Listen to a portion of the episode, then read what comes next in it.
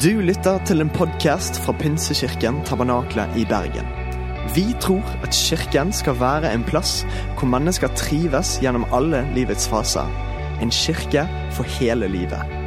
Ønsker du å bli bedre kjent med oss eller holde deg oppdatert? Besøk vår Facebook-side eller ptb.no. Her er ukens tale.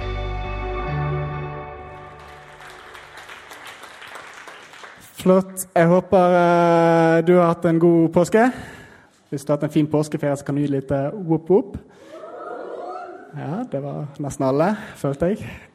Uh, herlig med påske. Det har ikke vært så fint vær i april eh, i en manns tidsalder. Jeg er veldig usikker på sånn uttrykk, men jeg tror det er det man eh, sier. Det er flott. Gjenkjenner dere dette øyeblikket? Det øyeblikket der jeg skal prøve å smalltalke litt før jeg skal si det jeg egentlig skal si. Eh, det var derfor jeg sa været, eh, eller nevnte været, for enhver smalltalk med respekt for seg sjøl nevner været. Vi setter en strek der. Men jeg, jeg håper helt igjen at du har hatt en uh, veldig fin påske. Jeg håper det har vært uh, lite mellom deg og Gud denne påskeferien. Uh, om den har blitt tilbrakt blant skientusiaster på høyfjellet eller blant mer normale folk her i, her i byen. Nå må jeg sette på klokkene. Sånn. For to uker siden så var det palmesøndag, og da prekte Mari Kristine, gjest fra Saltbergenkirken, her eh, om den søndagen da Jesus kom inn til Jerusalem. Eh, og det var god stemning, og de ropte Hosianna, og det var full eh, baluba. Og så en liten uke etter dette så har uh, pipen en annen lyd, som man sier. At da um, uh, var det dramatisk. Og et måltid blir servert, og noen føtter blir vasket, og Jesus blir forrådt. Og dagen etter den er enda mer dramatisk, der uh, Jesus blir dømt og pint og henger i et kors for hele verdens skyld. og det kulmineres i gledesbudskapet første påskedag, som Sandra prekte helt fantastisk her om på, på søndag. Hvis du ikke var her, så anbefaler jeg deg å laste ned den podkasten noe brennkvikt. For det var uh, utrolig bra, Sandra. Han er sannelig oppstanden, og det er det beste med vår tro.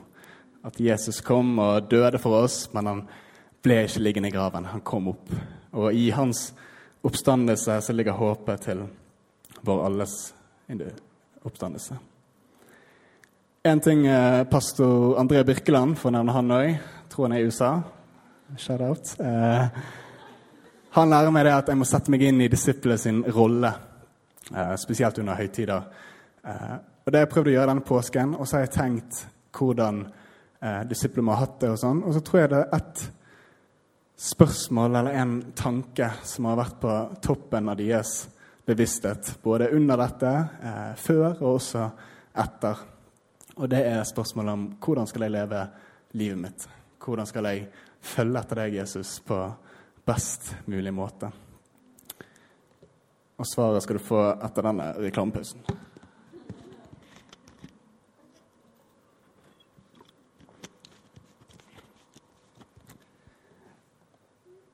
En stund etter påsken så du får ikke svare helt ennå. Så eh, skjer det som både lek og lærd kaller for eh, kirkens bursdag. Det er første pinsedag.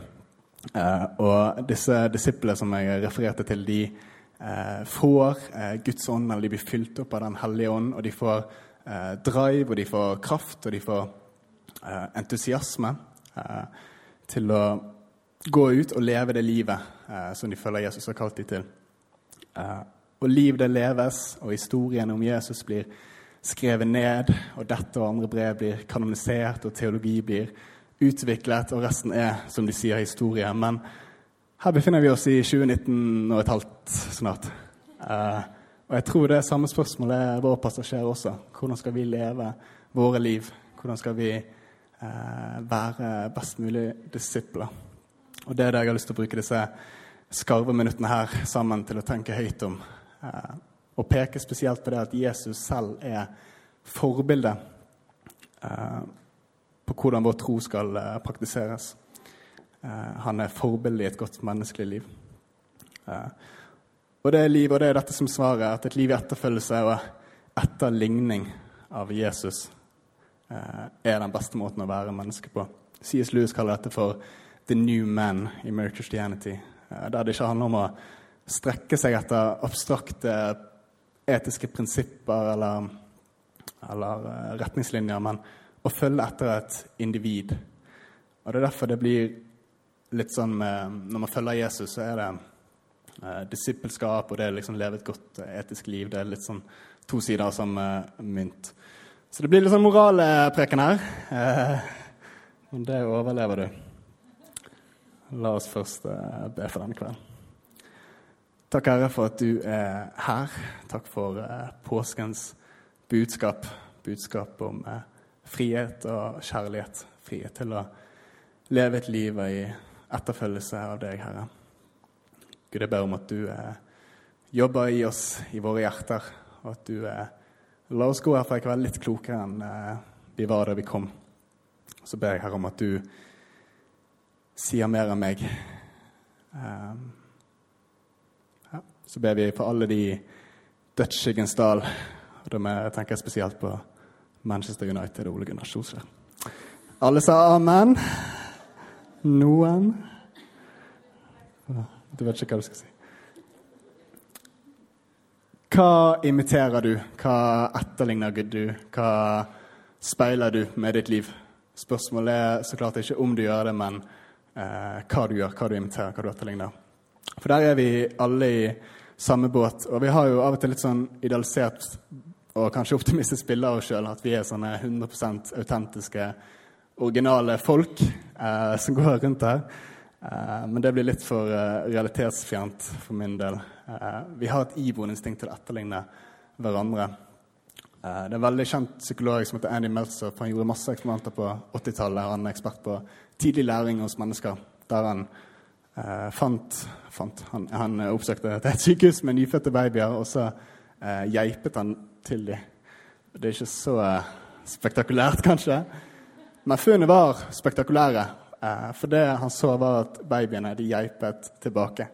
Og så utførte han eh, eksperimentene nok ganger og kunne slå fast at eh, mennesker de lærer av sine omstendigheter allerede før de har blitt en time gamle. Og denne altså læringen, eller assimileringen, om du vil, er kanskje litt sånn kjent for oss. Vi vet alle at vi blir påvirket av våre omstendigheter på godt og vondt. Og det tror jeg Bibelen er et bilde på for Som Stian K. Aarbrot sier i boken 'Forme livet plastisk teologi', så sier han at det, virke, det kan virke som at halve Gammeltestamentet advarsler om at israelittene ikke må bli for lik folkeslagene rundt seg. Og vi gjør denne imitasjonen, speilingen, hele veien. Eh, og så er det eh, sjarmerende når det er babyer som geiper, og det er hunder på Instagram som prøver å gjøre yogaøvelser. Jeg vet ikke om noen har sett det. Nei. Eh, men det er mindre sjarmerende når det er mennesker som blir revet med, som de unnskylder det, eh, i en mobbete atmosfære, eller hva det enn er. Eller nordmenn som eh, blir med i NS under okkupasjon. for det meste vi gjør av speiling, det skjer uten at vi er klar over det. så dette spørsmålet om hva vi skal speile med vårt liv, hva vi skal etterligne. Det er utrolig viktig. Det er eh, greit å bestemme sjøl når vi vet at vi gjør det, hva vi skal fokusere på. Eh, dette står klart på agendaen til Bibels forfattere. Vi kan lese fra Efeserbrevet 4, der Paulus prøver å adressere noe av dette her, når han gir tips til menigheten om hvordan være disippel. Så skal vi ikke lenger være umodne ikke la oss kaste hit og dit og drive med vinden fra enhver lære, så vi blir bytte for menneskers falske spill og villfarelsens listige kunster. Vi skal være tro mot sannheten i kjærlighet, og i ett og alt vokse opp til Han som er hodet, Kristus. Jeg tror oppfordringen for Paulus her er at vi skal etterfølge noe. Vi skal være trofaste valget. Vi skal ikke la oss kaste hit og dit fra den kuleste YouTube-videoen vi nettopp så. Eh, vi skal vokse opp til Han som er hodet, Kristus. Av og til misforstår eh, vi, tror jeg i hvert fall, er min mistanke, troen vår for å handle om veldig mye annet enn Jesus. Eh, han som er troens opphavsmann og fullender, som det heter. Poenget er at vi skal se til Jesus som kilden for et moralsk og rettferdig liv, og også målestokken for det. Nå er det på tide med litt sånn disclaimer. Det er jo sånn at Når jeg snakker om dette å imitere hverandre, og sånn, så er ikke det at jeg bare mener det å imitere Jesus er en god idé eh, som et svar på paraplyspørsmålet 'Hvordan skal jeg leve?' Eh, som jeg liksom har kokt opp nå. Men det er noe av kjernen av vår disippelgjøring, hvis du er så heldig å kalle deg kristen her i kveld. Vårt prosjekt av å følge Jesus, hvordan det skal foregå. For vi skal vokse opp til Han som er hodet. Vi skal etterligne Jesus. De første kristne de, de fikk navnet kristne. De titulerte ikke seg sjøl, og de fikk det fordi de lignet sånn på sin herre. De var små Kristuser, blir det noen ganger, noen ganger omtalt om som. Eh, og det er i hvert fall et naturlig spørsmål for meg er hvorfor. Hvorfor akkurat Jesus? Hvorfor denne etterligningen? Og så er det hvordan skal det skje? Eh, og la meg begynne med førstnevnte. Hvorfor skal vi som kristne se til Jesus som eh, mål, Jesu liv som mål for vår eh, reise? Eh, første poeng jeg har lyst til å gjøre, er at det er noe universelt med Jesus. Eh, noe jeg tror alle mennesker gjenkjenner. Eh, for noen år siden så hadde jeg en samtale med en, med en dame som jeg hadde vært igjennom litt i sitt liv. Vært uten noen vinternatter før, kan man si. Og så hadde vi en skikkelig sånn god samtale som kanskje du har sittet i før, der man går i dybden av hva tro er, og hva er meningen med dette livet, og videre, og videre. Klokken var forbi tolv. Og så var det noen som sa som jeg bet meg skikkelig fast i. Hun sa at hun likte Jesus veldig godt, men hun kunne ikke fordra Gud. Og Gandhi, for å droppe det navnet, sa en gang at han likte Kristus veldig godt, men han likte ikke kristne. Og På slutten av 60-tallet var det en stor vekkelse. Så vekkelse der um, um, mange blir kristne om gangen på kort tid. Uh, og bevegelsen fikk navnet Jesusbevegelsen. Jesus kommuniserer noe universelt, noe som treffer mennesker i India på 30-tallet, i 1969 i New York og eh, 2013 i Bergen sør. Eh, noe som kun i kraft av å være menneske så klarer vi å gjenkjenne et eller annet attraktivt, godt og tør jeg å si det hellig. Eh, om du ikke er og, eller om du er og ikke tror så mye, så håper jeg at du gjenkjenner det òg. Så vi gjenkjenner altså at, det, at, Jesus han kan det der å gjøre mennesker, liksom. Eh, men nå er det veldig lett på dette tidspunktet å falle inn i en sånn Bjørn Eidsvolds tolkning om at Jesus er et flott uh, forbilde, men at det slutter der. Og Det er et enormt vanlig resonnement, tror jeg, i uh, vår verden nå. Og kanskje også av og til blant kristne. At Jesus gjør gode ting, var kanskje litt forut sin tid. Uh, en god moralsk lærer. Etterfølgelse av Jesus starter med en åpenbaring om hvem han er. Prologen til Kolosserbrevet beskriver Jesus slik at han er den usynlige Guds bilde, den førstefødte før alt er skapte. For i Han er alt blitt skapt, i himmel og på jorden. Det synlige og det usynlige, troner og herskere, makter og åndskrefter. Alt er skapt ved ham og til han. Han er før alt, og i ham blir alt holdt sammen. Han er hodet for kroppen, som er kirken. Han er opphavet, den førstefødte fra de døde, så han i ett alt kan være den fremste. For i han ville Gud la hele sin fylde ta bolig. Og ved ham ville Gud forsone alt med seg selv, det som er på jorden og det som er i himmelen, da han skapte fred med hans, blod på korset. Eh, jeg forstår at dette er litt sånn stort og kryptisk språk. Det er det for meg òg, definitivt. Men jeg håper du fatter poenget at dette er ikke hippie-Jesus, liksom. Dette er ikke en type som er liksom bra, uh, men chill. og når det kommer til vårt bilde av hvem Jesus er, så kan vi falle lett, tror jeg, i to sånne ytterpunkter, der vi én kan behandle Jesus som altfor menneskelig, der han blir nettopp denne gode læreren. En litt bedre versjon av Gandhi, men det er liksom det. Eh, eller tro at Jesus kanskje blir altfor stor for oss. At han blir et ideal flere lysår unna. Eh, så kom liksom en kjærlighet vi ikke kan fatte. Og så vil jeg ikke underspille den beskrivelsen, fordi det, det er jo sant. Eh, men Jesus kom også for å være konkret. Han kom også for å innstifte en ny måte å være menneske på.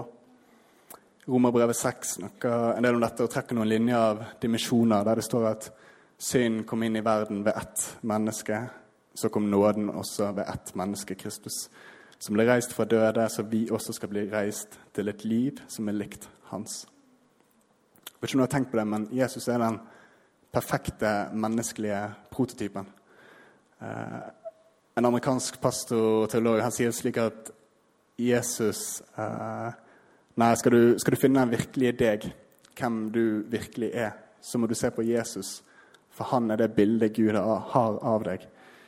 Eh, og det er synd som hindrer oss i å være denne nye menneskeheten, til å være det vi var designet til å bli. Synd betyr bokstavelig talt, som kanskje mange kjenner til, å bomme på målet. Eh, en kristen forfatter beskriver slik at Jeg var litt usikker på denne, for, ja, med, med fare for banne i kirken her, at synd er the human propensity to bleep things up. Eh, altså den menneskelige tilbøyeligheten til å rote det til. Eh, vi er et sabla rot, alle sammen. Vet ikke noe jeg tenkt på det. Snu ut en ved siden av deg og si du er sabla rot.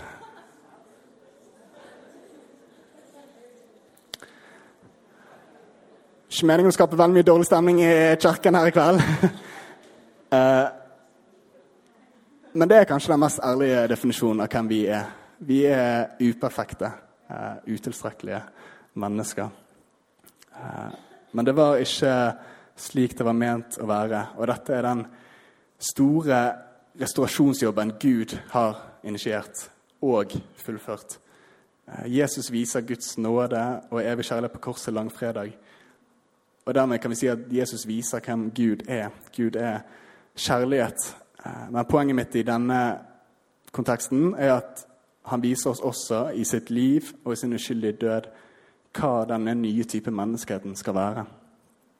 Slik Jesus har elsket, skal vi også elske. Jesus bruker bl.a. en tittel 'menneskesønn' om seg sjøl, eh, men disiplet bruker den aldri om han. Eh, fordi så er han Messias og med rette. Eh, men det er akkurat som Jesus dunker inn dette poenget på skjærtorsdag når han vasker disiplene sine føtter, og så sier han, 'Se, jeg har gitt dere et forbilde. Slik jeg, skal, slik jeg har gjort mot dere, skal dere også gjøre.' Eh, som disipler er det dette vi er kalt til, å leve slik Jesus levde, og ha Kristi sinnelag, blir det beskrevet som en gang i Bibelen. For hvis Jesus er Gud inkarnert, og Gud er nåde, godhet, og kjærlighet og alle andre positive ting du kan finne på, så burde det opplagte vært å etterfølge Jesus og etterligne Jesus så godt vi kan. På fint så kalles dette imitatio dei, imitasjon av Gud. Og da er det på tide å vende til det andre spørsmålet, som er hvordan vi gjør dette.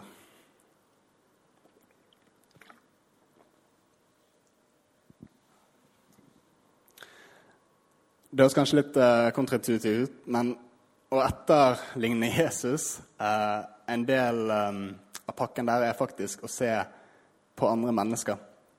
Eh, å se til mennesker som imiterer Jesus på en bedre måte enn du gjør. Uh, Paulus skriver i 1. Korinteren 11,1, uh, og der bruker ordet Paulus det greske ordet mimesis, som vi kan oversette som imitasjon eller uh, emulation, hva det betyr. Sånn um, du ser noe bra og så har lyst til å strekke deg opp til det. Han skriver 'Har meg til forbilde, slik jeg har Kristus til forbilde'. Til og med med utropstegn. Uh, en som har tatt en personlig twist på dette, det er Roald uh, Rensa.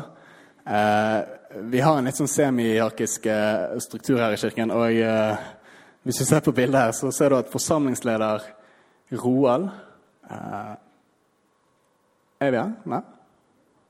Ja. Altså, han mimer rett og slett sin pastor André Birkeland.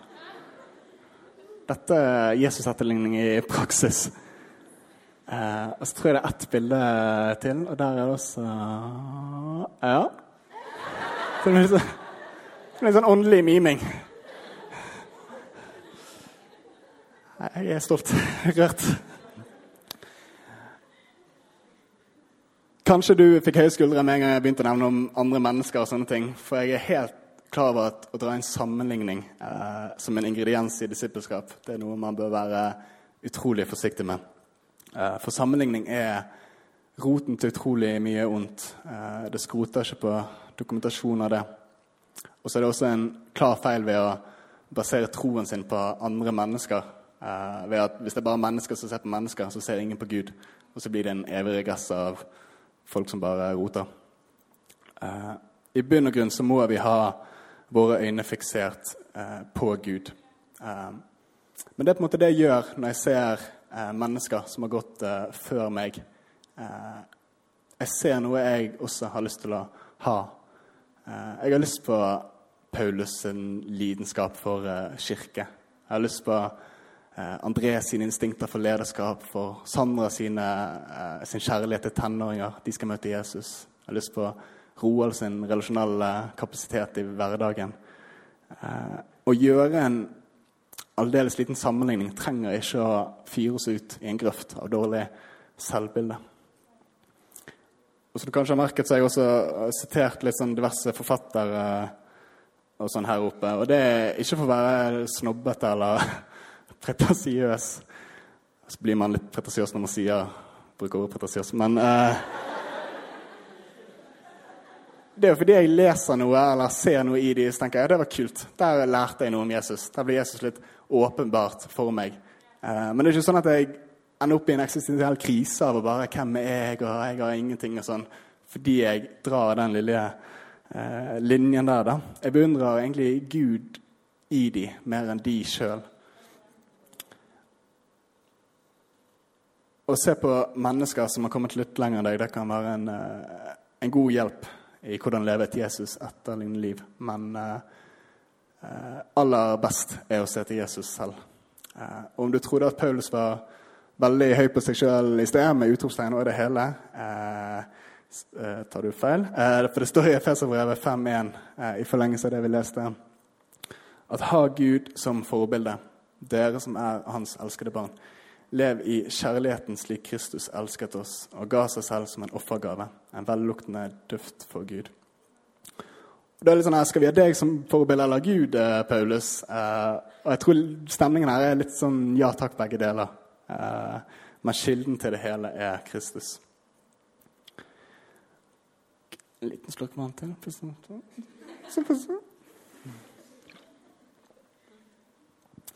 Ok, herlig. Um, hvis du skal huske noe fra denne moralpreken her, eh, så husk dette at Jesus, den inkarnerte Gud, det er tidenes life hack i livet. Eh, at Gud viser seg eh, på jorden. At han lever livet som oss. At han ber de samme bønnene, gråter de samme tårene og gleder seg over de samme gledene. Så er Jesus levde liv på jorden. Det er eksempelet på Guds vilje for mennesker.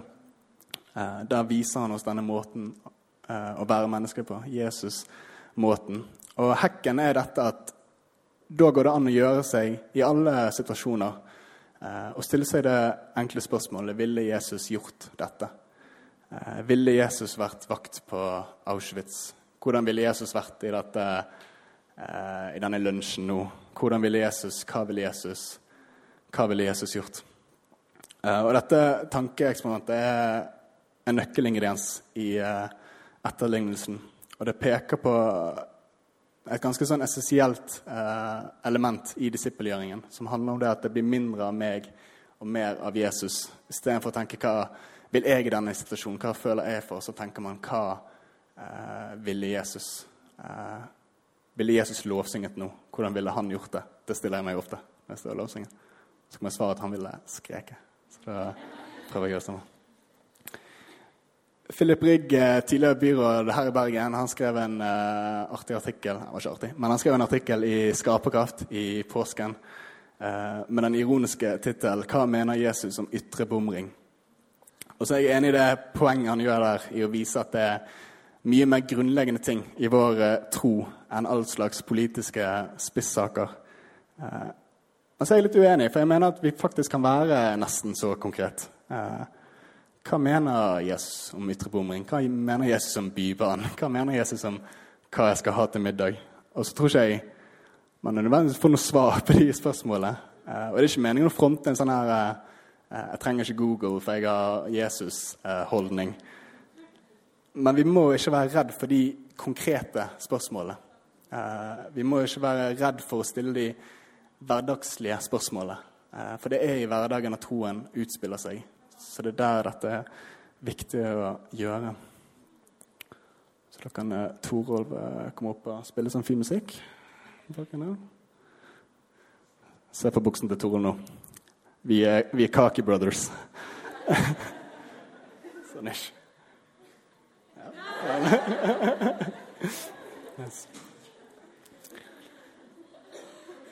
Så merker du nok at jeg eh, zoomer meg inn på det som ligner et eh, catchphrase som var veldig populært på 90, tror jeg, eller i hvert fall tidlig 2000-tallet. Eh, der alle gikk med sånn wristbands og T-skjorte. Så sto det 'What would Jesus do?' for de. Eh, og så vet jeg liksom ikke om eh, hvorfor det har blitt eh, så, At det ikke er populært lenger. Det er vel bare sånn det er med populære ting at de blir ut. Um, men kanskje er det at eh, folk uh, skyr unna det som pesten fordi uh, Jesus blir en slags moralsk vokter i det hele. At du stiller spørsmålet 'Hva ville Jesus gjort?' blir litt sånn her 'Hva ville Jesus gjort?' litt sånn alvorlig. men da bommer vi på vårt gudsbilde igjen. Da bommer vi på vårt bilde av hvem Jesus er. For da har Jesus bare skiftet status fra Gandhi til kjip, streng rektor. Det er ikke det det handler om. Eller kanskje man forholder seg til dette begrepet med litt sånn ironisk distanse. Det er litt sånn What would Jesus do, man? Uh, jeg vet ikke. Og så vet jeg om du kjente deg igjen i noen av de beskrivelsene i det forhold til Jesus jeg snakket om i sted, om enten behandler han for eh, avslappet, eh, en god moralsk lærer som er som et interessant event på Litteraturhuset. Litt sånn kjekt, men det er det. Til innspo, men ikke til etterfølgelse. Eh, eller nummer to at han er som et langt unna ideal, eh, utilgjengelig. Om du tilhører den gruppen, så vil jeg si at det trenger du ikke gjøre. Eh, Jesus er ikke så abstrakt utilgjengelig. Nå har vi nettopp feiret påske, og når man feirer noe, så feirer man en hendelse. Man feirer en begivenhet. Eh, når jeg feirer bursdag, så Jeg feirer ikke bursdag, da, men hvis jeg feirer bursdagen til noen andre, så feirer ikke jeg ideen om den eller ideen om en bursdagen. Jeg feirer at de ble født. Eh, og så legger man selvfølgelig ting oppå det. Samme 17. mai. Vi feirer noe utrolig konkret. Um, og vi har feiret påske. Uh, og da feirer vi en begivenhet. Vi feirer ikke en idé, vi feirer et individ. Arne Garborg skrev for 100 år siden at mesteren kom ikke for å lære oss en filosofi, men en livskunst. Ikke for å stifte en sekt, men for å vise en vei. Jesus kom for å vise Guds fantastiske kjærlighet og nåde, men han kom også for å vise oss eh, en ny vei å gå på, der han er selve veien. Og Jeg sa i sted at etterfølgelse av Jesus det handler om en åpenbaring av hvem han er, Eh, og så fullbyrdes det i et skritt i retning han. Eh, og så trasker og leder Jesus oss på denne stien vi kaller livet. De første kristne de, de gjorde troen lenge før de hadde alle detaljene på plass om hva den egentlig handlet om. Eh, før, eh, før, Augustin, før Akinas, før Martin Luther, før da det Bibel på smarttelefonen før bergensere hadde moralprekener, så uh, gjorde de første kristne troen. Og hvordan levde de? Hvordan stilte de seg til spørsmålet om hvordan å leve livet? Jeg tror de uh, for det første så til uh, hverandre, og de så til sine ledere. De så til Paulus, de så til Peter. Eh, og så så de til eh, Jesus. De hadde hans fortellinger og historier ferskt i minnet. og de minnet hverandre på dem. Og så tror jeg for det tredje at de blir ledet. Og den samme ledelsen den eh, skjer i oss eh, i dag òg. Og det er Den hellige ånd i oss som vitner om Jesus. I Johannes 16, 12-15 står det at dette er Jesus som sier ennå har jeg mye å si dere, eh, men dere kan ikke bære det nå. Men når sannhetens ånd kommer, så skal han veilede dere til hele sannheten.